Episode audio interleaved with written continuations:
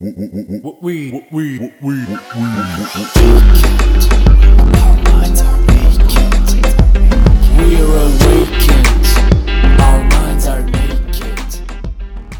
svima, ja sam Martina Đokić, a vi slušate podcast Mentalni nudista. Nalazimo se u epizodi 53 sezone 2 i u ovoj epizodi govorit ću malo o tome kako da umirite um, zato što definitivno iz mirnog uma dolaze zdravije odluke, pametnije odluke, odluke koje su usklađenije sa nekim našim istinskim potrebama ili, ili vrijednostima. A s druge strane, nemiran um je jako izazovan za, za hendlovanje, što bi se reklo. Jako je zahtjevan, jako, jako nas opterećuje i često dovodi do toga da upadnamo u anksioznost, da imamo problema sa spavanjem i svašta, svašta još nešto. Tako da umirivanje uma je jedno od vrlo, vrlo značajnih tema današnjice, pogotovo u ovom periodu kada smo opkoljeni sa gomilu bespotrebnih informacija i kada negdje živimo neki ritam života koji često nije toliko podržavajući za miran um, nego je čak šta više mnogo, mnogo više trigerujući za to da sačuvamo mir i samim tim, odnosno izazovan je za, za ideju mira, tako da ovaj, eto to je sve nešto što da kažem um, je dovelo do ove epizode. Uh, ono što recimo često primjećujem i u radu s ljudima i u svom okruženju, da jako lako može da se vidi ko ima nemiran um, a ko ima prilično smiren um. I to možete da vidite po um, nekoj vrsti, mislim, sad ću da energije koju osoba odašilje, ali gomilo nekih ponašanja osobe i, i pristupa raznim stvarima može da pokaže koliko osoba ima smirenu, a koliko joj je um polju, ono, zbrkan, haotičan, e, opterećen koje čime, pa onda je i tako ponašanje. Znači, možete da vidite ljudi koji su vrlo jednostavni u donošenju odluka, koji vrlo smireno komuniciraju svoje granice, svoje odluke, koji su e, pouzdani, znači ljudi koji imaju smiren um, e, sve što kažu da će da urade, uglavnom urade, naravno dešavaju se neki izuzeci, ali ne preveliki, i e, zato što su sve odluke koje su donijeli, donijeli smirenog uma, dobro su procijenili svoje kapacitete, svoje granice, potrebe i sve ostalo i kada su nešto rekli da će uraditi, rekli su to iz nekog zdravog mjesta onda možete da vidite koliko ljudi koji imaju smiren um puno većeg mira i komuniciraju i kreću se kroz dan prije svega, onda i kroz život. A s druge strane možete da vidite ljudi koji imaju vrlo zbrkani i, istrigirovan um, e, koji su onako u, nekoj frci konstantnoj i e, stalno imaju neke, da kažem, donose odluke koje onda moraju da mijenjaju, e, nešto kažu da će da urade pa ne urade, E, negdje kažu će se pojavi pa se ne pojavi i tako dalje i stalno je tu neka da kažem e, nepredvidljivost zato što je u njihovom umu sve jako zbrkano i nepredvidljivo i nemaju nekako pregled situacije širi i samim tim ne, ne mogu ni da donesu odluke koje dolaze iz nekog neke jasnoće, eto tako da se izrazim. I sad postoji gomila, gomila razloga zašto je naš um uznemiren i da se razumijemo čak i kad imate najmirniji um na svijetu postoje faze kada je taj um vrlo uznemiren. A s druge strane, uh, uh, ono što sam u stvari htjela kroz ovu epizodu da ispričam je koji su sve načini da iz nemirnog i, i, i zbrkanog uma dođemo do nekog mirnog uma koji funkcioniše sa jasnoćom i preglednošću.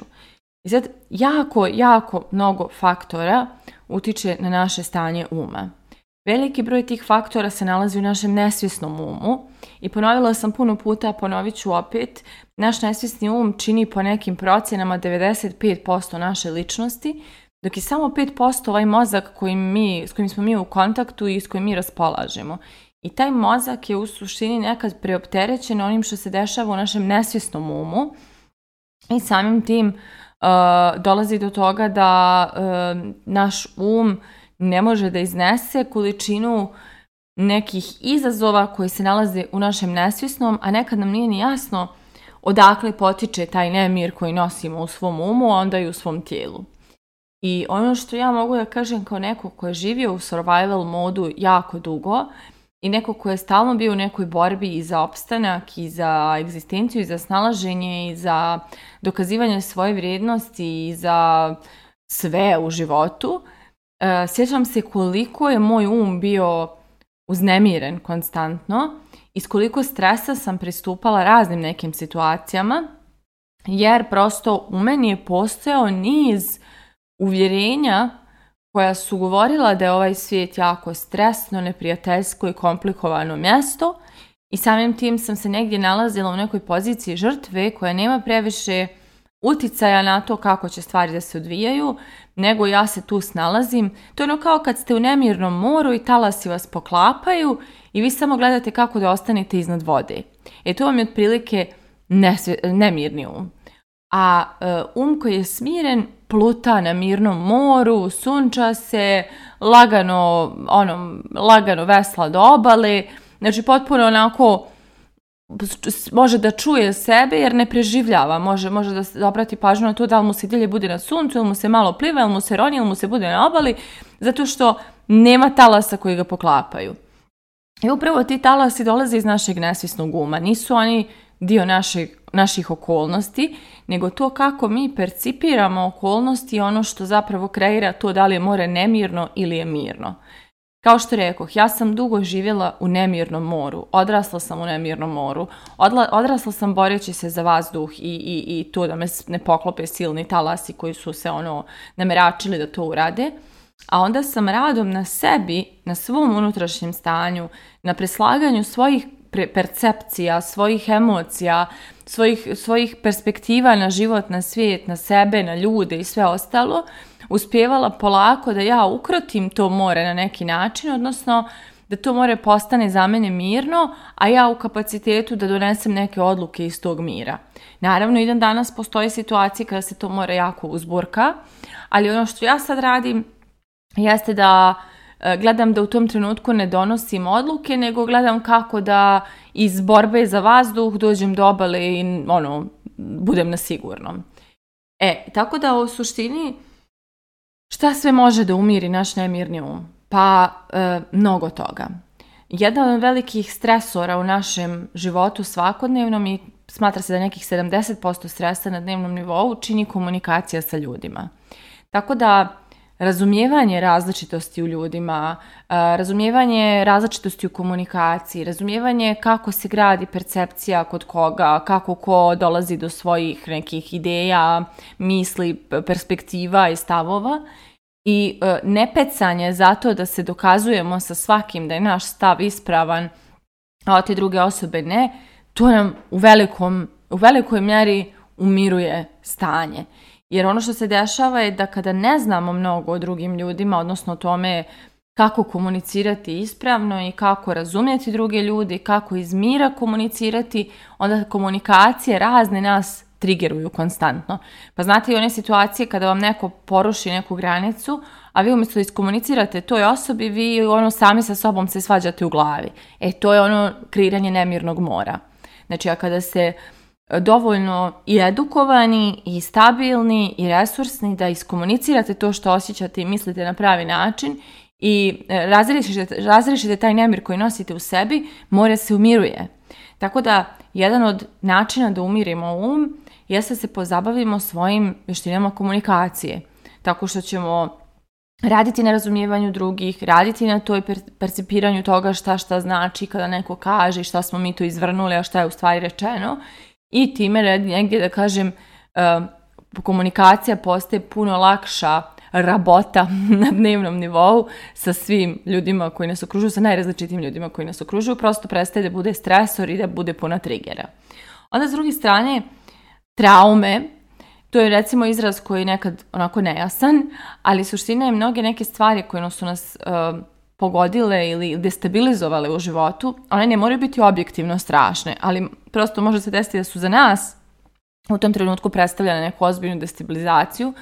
Svaka, svaka, svaki od tih događaja je na neki način, ako nije iscijeljen, ako nije zaokružen, proživljen do kraja, ako iz njega nisu izvučeni zaključci, Svaki taj događaj dalje nas destabilizuje svaki put kada se nađemo u situaciji koja nas podsjeti na tako nešto indirektno ili direktno. I samim tim to destabilizuje naš um, jer e, odjednom se nalazi, proživljavamo doslovno onaj posttraumatski stres. Znači nešto s polja, neko kaže, uradi, desi se neka situacija i to nama trigeruje taj osjećaj nemoći s kojim smo se nosili kada se desilo u prošlosti to nešto što nas je toliko pogodilo, a što nismo zaokružili, iscijelili, iz toga naučili. I samim tim mi se opet nalazimo u duboko destabilizovanoj poziciji koja je zapravo prije svega uzrokovana nečim iz prošlosti, a onda i to u sadašnjem trenutku što se dešava još dolilo ulje na vatru. I to nas destabilizuje.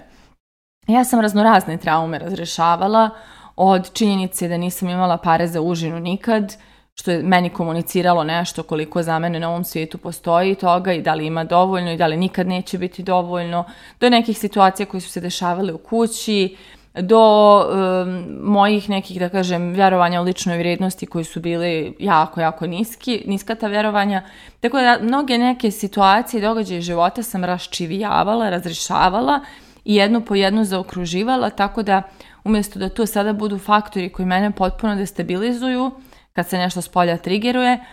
ja sada, da kažem, eh, ne pecam se više na te teme jer su zaokružene. Postoji sigurno još mnogo stvari na kojima ću raditi u životu i koje ću mijenjati i koje će sa svakim novim većim ciljem izaći na površinu i pokazati mi da se bojim možda da nisam na tom nivou za to nešto novo, ali kada dođe tu ja sam spremna da to dočekam i nešto s tim uradim, umjesto da sjedim u tom stresu i strahu i pitanjima da li sam dovoljno dobra, da li dovoljno vrijedim, da li ja ovo mogu i tako dalje i ne radim ništa. Znači, sada je moj um dovoljno miran da kad se uznemiri, ja gledam kako da saniram uznemirenost, a ne da sjedim u njoj i mislim da je to prirodno stanje.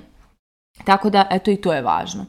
Dalje, jako je važno raditi na nekim svojim obrazcima ponašanja. Znači, ja sam nekad bila neko mnogo kasniji, ko ima užasnu percepciju vremena i prosto mi na NLP-u učimo e, kakve su percepcije vremena i kako se grade u našem umu i zašto su neki ljudi tako skloni tome da imaju pojam o vremenu, neki su vrlo ono strukturirani u tom smislu i negdje uh, e, jedan od navika koje sam ukinula u životu je da kasnim svuda i stalno i puno i negdje sam uspjela da se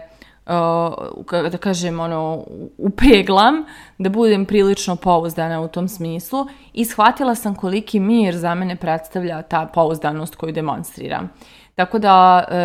to je jedna isto od stvari koja mi je bila važna i postoji još mnogo nekih paterna. Da li ustajem pa uskačem u dan bez doručka, bez mira, bez rituala ili sta, ustanem puno ranije, pa mislim puno ranije od prvih obaveza, pa ja sebi skreiram energiju dana pa onda uđem u njega. I negdje dok sam mijenjala svoja ponašanja u to su se upleli razne neki rituali. Tako da ja sad meditiram svaki dan, pišem zahvalnosti, to već ptice na grani znaju. I imam još gomilu nekih rituala, na primjer kad sam uznemirena, kad mi se uznemiri um i tijelo, ja ne preduzimam akciju da, da radim nešto dalje, u smislu ono da završavam poslove i to, nego izađem da prošetam, izmeditiram, Uh, ispišem dnevnik, znači uradim nešto što će da umiri to more pre nego što zakoračimo neki dalji potez u tom danu. Tako da, eh, isto, jedna od važnijih stvari je ja tražim pomoć. Znači, ja više ako ne uspijem sama da svoj mir, um umirim, nemam problem s tim da nazovem nekog bliskog, neku drugaricu ili na kraju krajeva i svog terapeuta ili prosto imam tu sreću, okružena sam i ljudima koji su koučevi i svašta nešto i tražim pomoć. Znači nema više toga kao sjedim samo u tim problemima i ne znam što da radim i ono, ono prosto moj mozak ne nalazi način da se umiri, a ja ono eto tako živim s tim, nego tražim način da se vratim u svoj miran um, tražim podršku, e, hvatam se svojih rituala, radim što šta samo da bi se to desilo. Tako da, ovo su neke od stvari koje, koje meni pomažu da umirim svoj um i e, prisutnost, jako, jako velika prisutnost koja opet dolazi iz ovih svih elemenata koje sam spominjala prethodno. I negdje kada imate miran um, vi možete znati da donosite odluke koje dolaze iz vašeg vrijednosnog sistema, iz vaše suštine, iz vaše autentičnosti, a ne iz vaše borbe za opstanak i, i pokušaja da izbjegnete neku frku ili pokušaja da prevaziđete neku dramu koju nosite u sebi